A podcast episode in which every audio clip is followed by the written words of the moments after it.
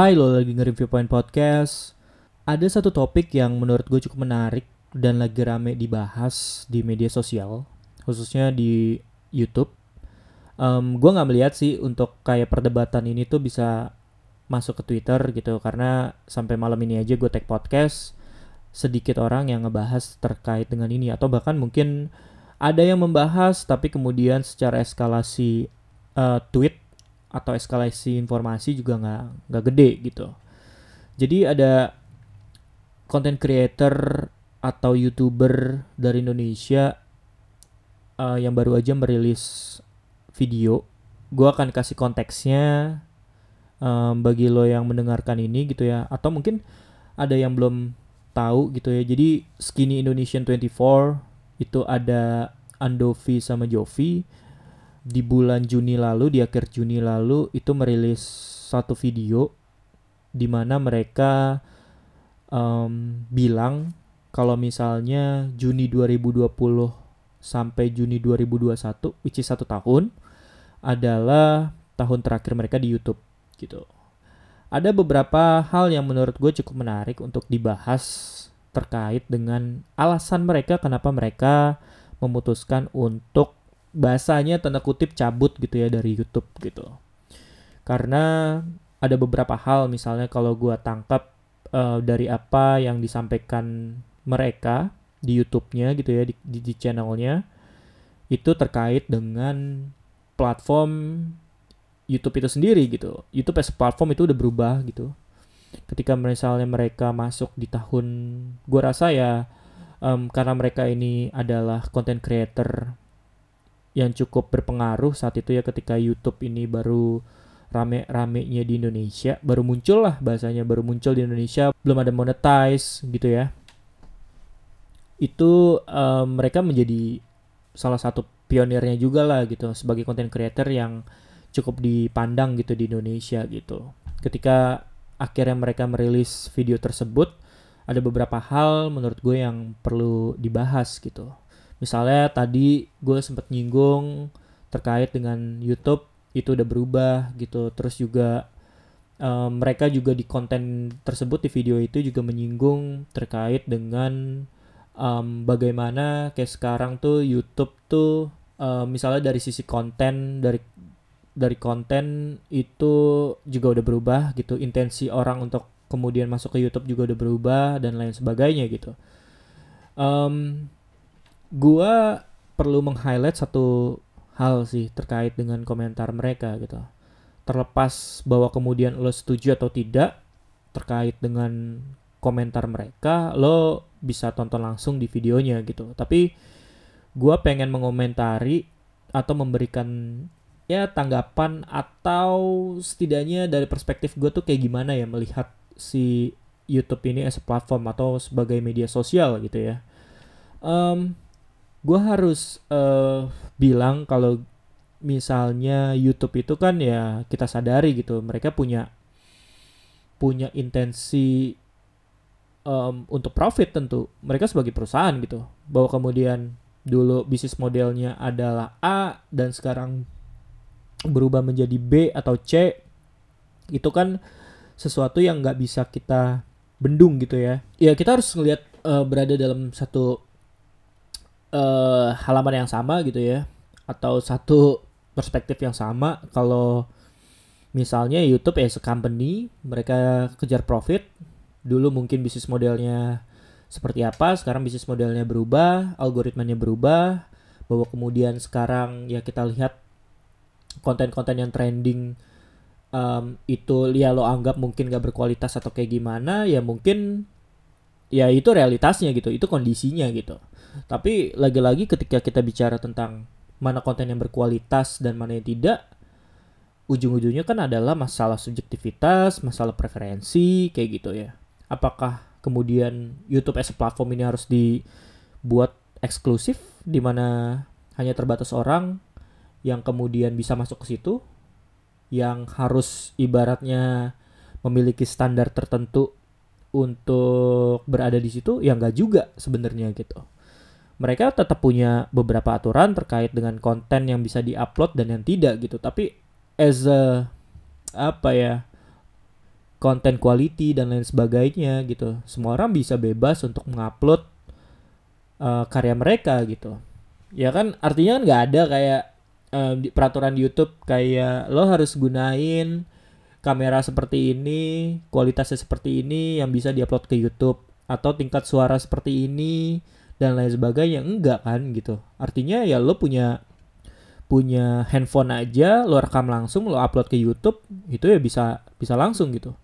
Kayak misalnya beberapa content creator yang khususnya di YouTube dan gue ikutin secara langsung dan secara reguler itu menarik ya mungkin secara produksi lo melihatnya sebagai sesuatu yang simple karena menggunakan handphone aja terus uh, eh, edit edit dikit terus upload gitu ya gue salah satu um, audiens atau penonton setianya channel Soleh Solihun misalnya gitu ya.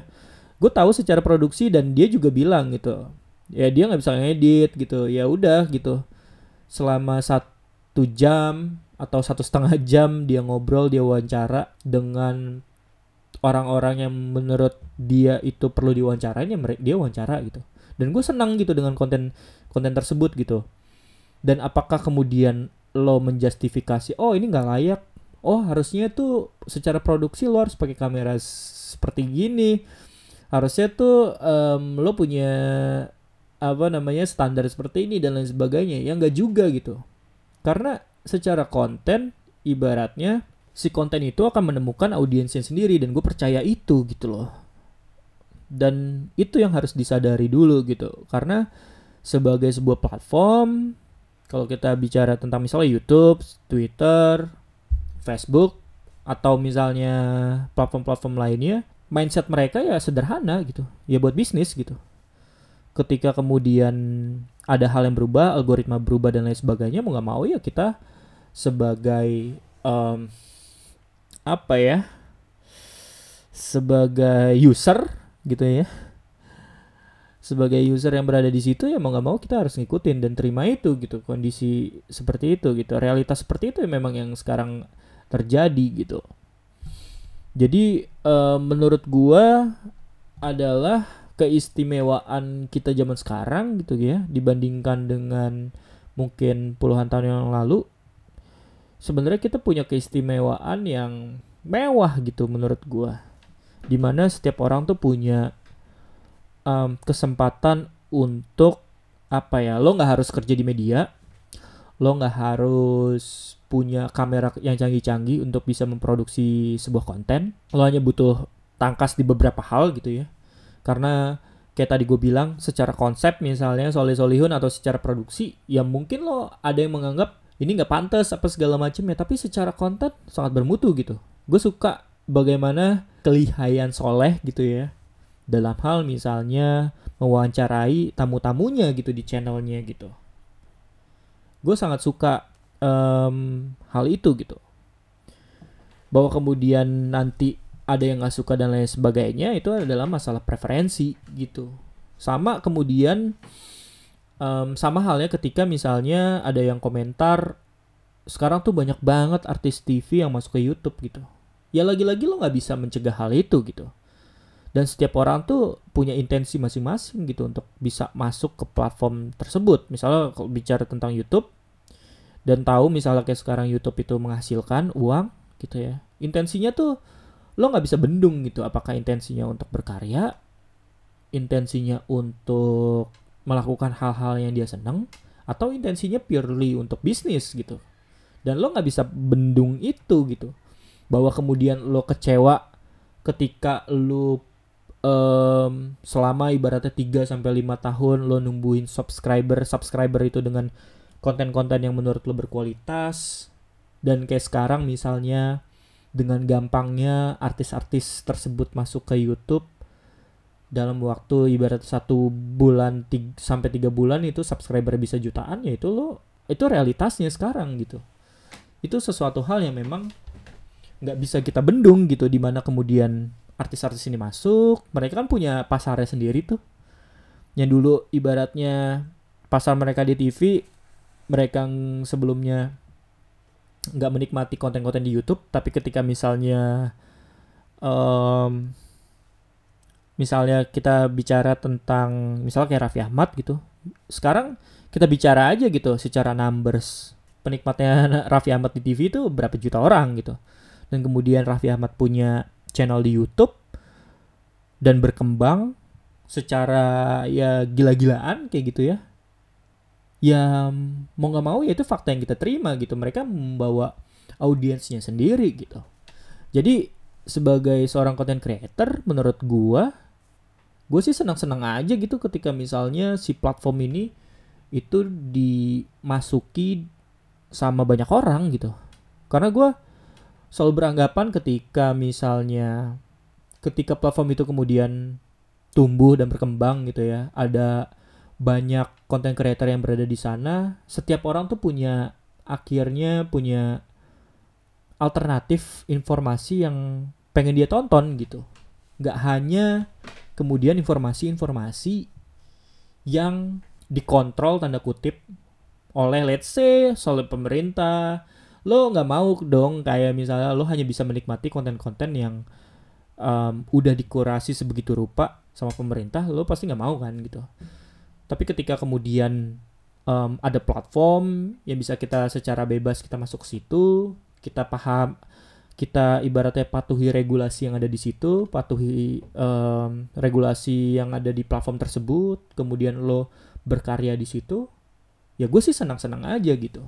Karena setiap content creator itu akan menemukan audiensnya sendiri gitu.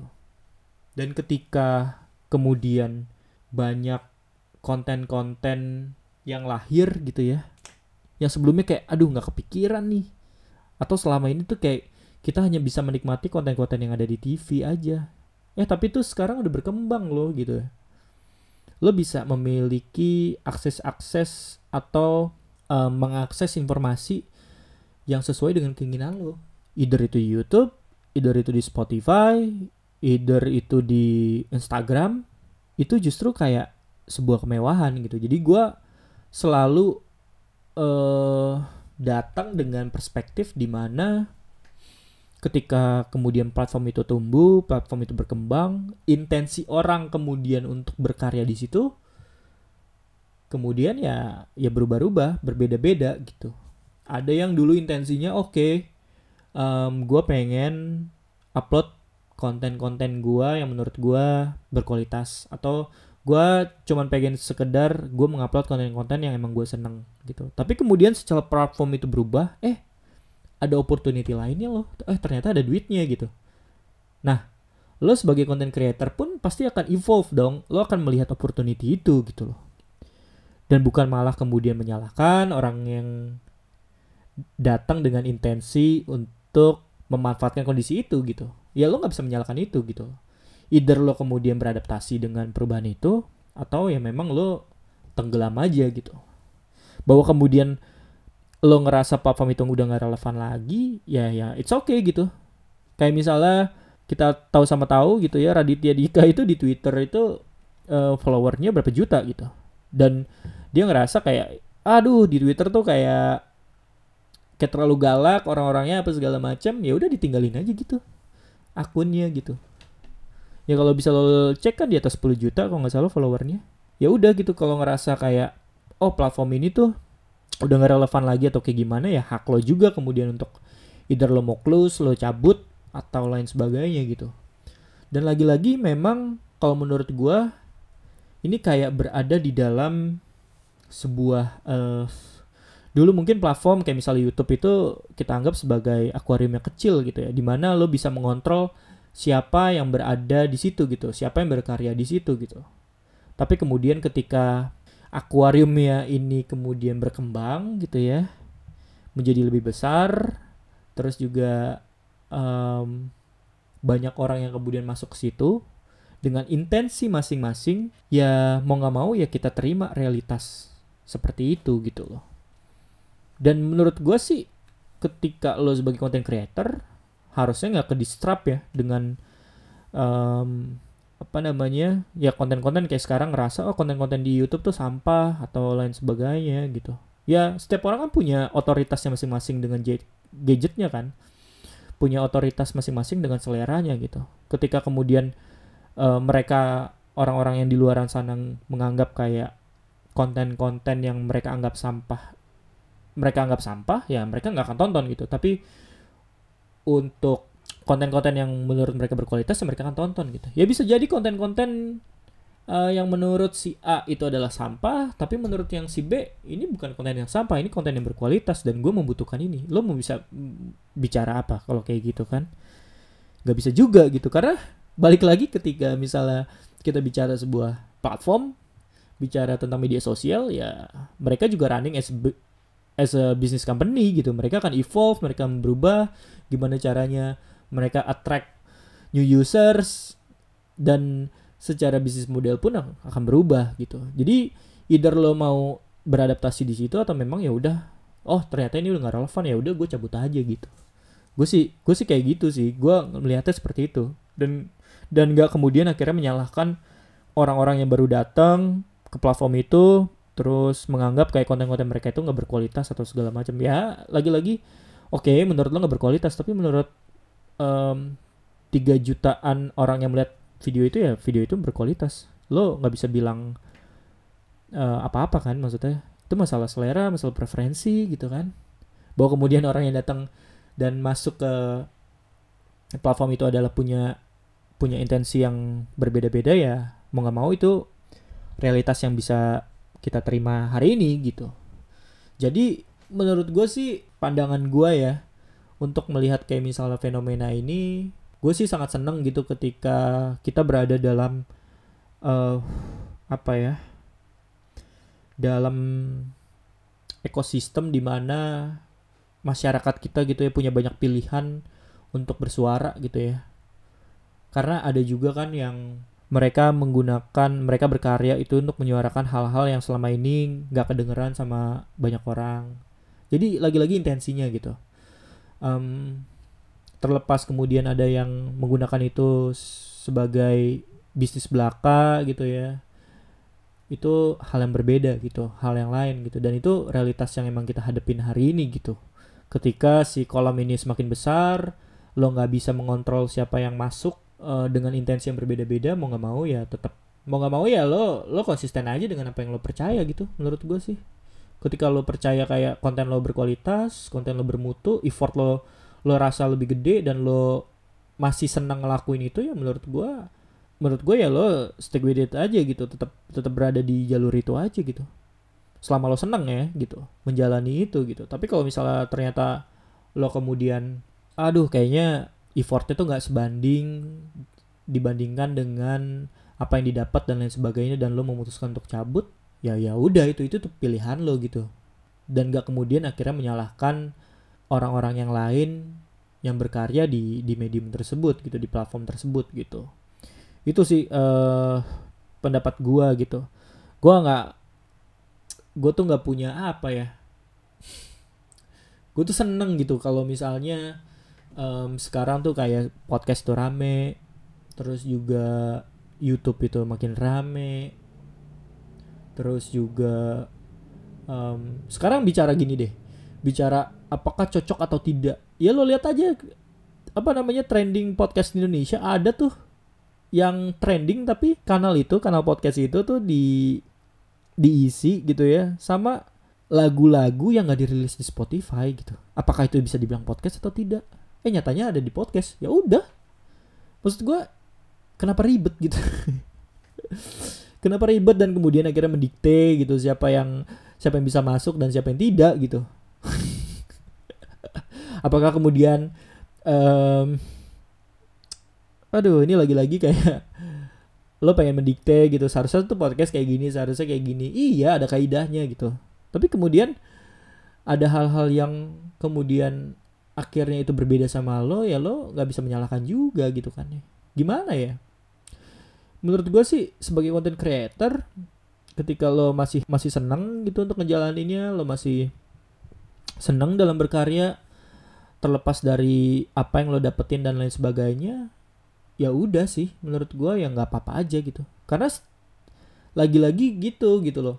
Dulu mungkin lo ngerasa lo berada di puncak ya karena konten konten-konten yang tersedia ya cuman terbatas gitu. Dan ketika sekarang kayak uh, YouTube itu dibanjiri sama banyak orang banyak orang yang berkarya di situ dan viewers lo kemudian menurun atau misalnya algoritmanya udah nggak mendukung lagi konten-konten lo ya lo bisa bilang apa gitu. Tapi ada tuh konten-konten yang perform. Oh berarti ya itu yang lagi dinikmatin sama masyarakat sekarang gitu. Apakah kemudian as platform itu YouTube itu bisa uh, mengkurasi konten-konten seperti apa yang bisa muncul di timeline bisa di home apa segala macam ya bisa gitu mereka bisa melakukan itu gitu tapi untuk yang sekarang ya realitasnya ya adalah seperti ini gitu. Kalau misalnya lo rasa kayak konten-konten yang trending itu kemudian nggak cocok sama lo, nggak sesuai sama lo, dan lo rasa nggak berkualitas ya nggak usah ditonton gitu. Sesimpel itu aja sih gitu. Dan banyak kok misalnya konten creator di Indonesia itu atau misalnya di luar gitu ya, yang masih melahirkan konten-konten yang menurut mereka ya ya keren aja. Intinya mereka tuh memproduksi konten untuk mereka yang percaya aja. Ya untuk untuk untuk hal-hal yang mereka percayai aja gitu. Terlepas nanti amplifikasinya itu besar atau tidak itu hal yang lain gitu. Karena mereka seneng sesimpel kayak mereka seneng untuk untuk berkarya gitu. Atau e, menyuarakan pendapatnya mereka di di platform yang selama ini mungkin e, mereka nggak dapat kesempatan untuk diundang ke media karena emang ya durasinya terbatas pastinya gitu. Terus juga secara ekspertis atau lain sebagainya itu juga mereka nggak berada di sana yang punya standar-standar khusus yang dimiliki oleh media ya akhirnya mereka bikin channel sendiri gitu. Untuk menyampaikan suara-suara yang menurut mereka kayaknya perlu deh didengar sama banyak orang gitu. Jadi as content creator gue percaya ketika lo masih menjalaninya dengan senang masih apa namanya masih intensinya untuk untuk menyampaikan sesuatu yang menurut lo uh, perlu didengar dan lain sebagainya menurut gue sih ya stick with it aja sih. Terlepas dari kayak ada nggak audiensnya dan lain sebagainya itu sih mengikuti sih. Menurut gue sih kayak gitu gitu. Tapi ketika lo misalnya akhirnya ah kayaknya gue mau cabut nih ya cabut aja gitu lo bisa take a break dulu kok untuk kayak ah wales dulu nih untuk ngelihat kayak atau atau enggak lo mempelajari dulu oh ternyata YouTube tuh sekarang kayak gini lain sebagainya gitu. Bukan kemudian malah lo menyalahkan mereka-mereka yang baru masuk ke YouTube dan lo kayak marah gitu kok ini dalam waktu satu bulan mereka udah 3 juta subscriber dan gue misalnya kayak 5 sampai enam tahun baru sampai di angka itu gitu. Lah lo nggak bisa menyalahkan itu. Ini realitas yang bisa kita terima hari ini tuh kayak gitu gitu itu sih opini gue sama um, apa yang terjadi atau apa yang lagi dibahas um, belakangan ini gitu.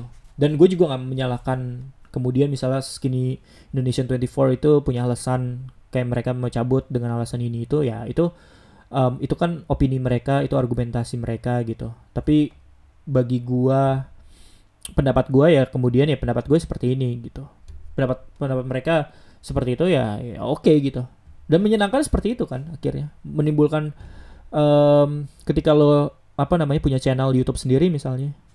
Misalnya konten lo dianggap kayak uh, menimbulkan kontroversi gitu ya atau enggak perlu dibahas lagi dan lain sebagainya kan akhirnya menimbulkan respon dan lain sebagainya gitu. Dan itu salah satu kemewahan dalam berdemokrasi juga gitu. Jadi gue sih lebih baik apa ya menikmati konten-konten eh uh, ya Raffi Ahmad terus apa Baim Wong dan lain sebagainya daripada gue berada dalam um, informasi yang kemudian dikontrol seperti pada zaman-zaman Orde Baru gitu ya.